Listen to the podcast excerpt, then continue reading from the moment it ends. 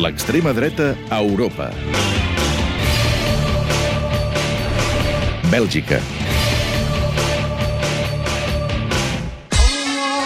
500.000 habitants, segona ciutat de Bèlgica, segon port europeu i plena de vitalitat en l'ambient que li transmeten els molts universitaris que estudien i en prestigi en el món de la moda. Totes són qualitats d'un Anvers que té també una gran taca negra. Un de cada tres habitants vota per l'extrema dreta, vota pel Blancs Belang, interès flamenc, que utilitza d'esquer cançons com aquesta. Oh nee, alweer een moskee.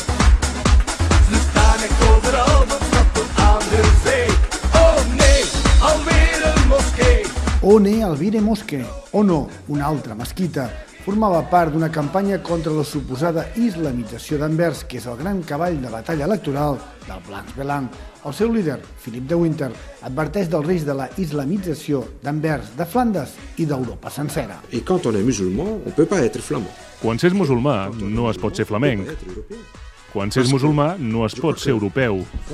Perquè, L'islam... vet aquí, l'islam, els costums de l'islam són oposats a Europa. À l'Europe.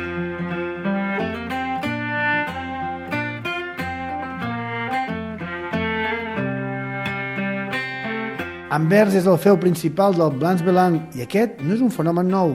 Des de fa 20 anys n'és la primera força. Que l'alcalde no sigui de Winter només ho ha evitat, l'ha anomenat cordó sanitari, el buit que han fet els partits democràtics al Blancs Belang. Des del 1991 fins al 2006, a cada elecció sumava més i més vots, però aquesta preocupant progressió es va frenar a les municipals del 2006. Un socialista guanyava.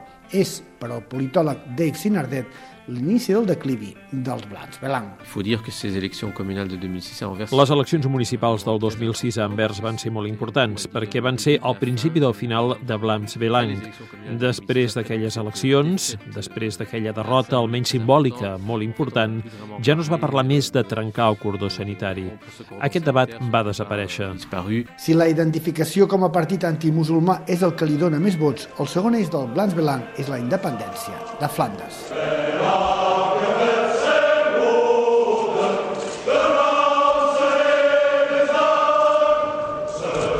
Són aficionats a cops d'efecte com aquest, l'ocupació de l'hemicicle del Parlament belga per reclamar la independència de Flandes el mateix dia que va caure l'últim fins ara govern belga, el d'Yves l'Etern.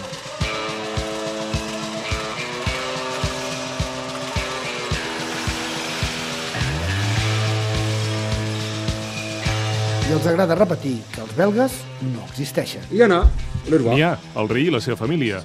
Són els autèntics belgues. Per la resta, només hi ha flamencs i balons al nostre país. I són dos pobles, dues nacions completament diferents. Aquest és el missatge dels seus líders, dels seus votants, no tant. Resulta que molts dels qui els avalen a les urnes són promonàrquics, quan el rei és el símbol de la unitat belga. I, i això és encara més significatiu, quan se centraven en la independència de Flandes eren una força residual, ho explica el politòleg Sinardet. Ce n'est qu'à partir de la fin des années 80 Va ser només a partir de finals dels anys 80 quan, sobretot a Anvers, el seu líder, Philip de Winter, va començar a focalitzar en la immigració, en la inseguretat i en l'islam. A partir d'aquell moment, el Blams Belang va començar a créixer i a convertir-se en un gran partit. Commencé à grandir et à devenir un, un grand parti. A més, ara en aquest terreny tenen molta competència, la de la NBA davant de Weber, primera força de Blandes que, a més d'independentista declarat, manté contactes amb alguns cercles de l'extrema dreta. Pot pescar, doncs, al seu territori electoral.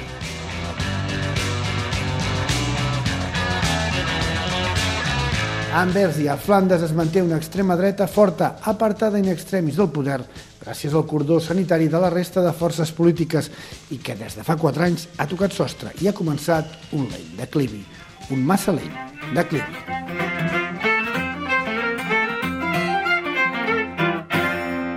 L'extrema dreta a Europa és una sèrie de reportatges de la secció d'Internacional de Catalunya Ràdio. Podeu tornar-la a escoltar a catradio.cat barra extrema dreta.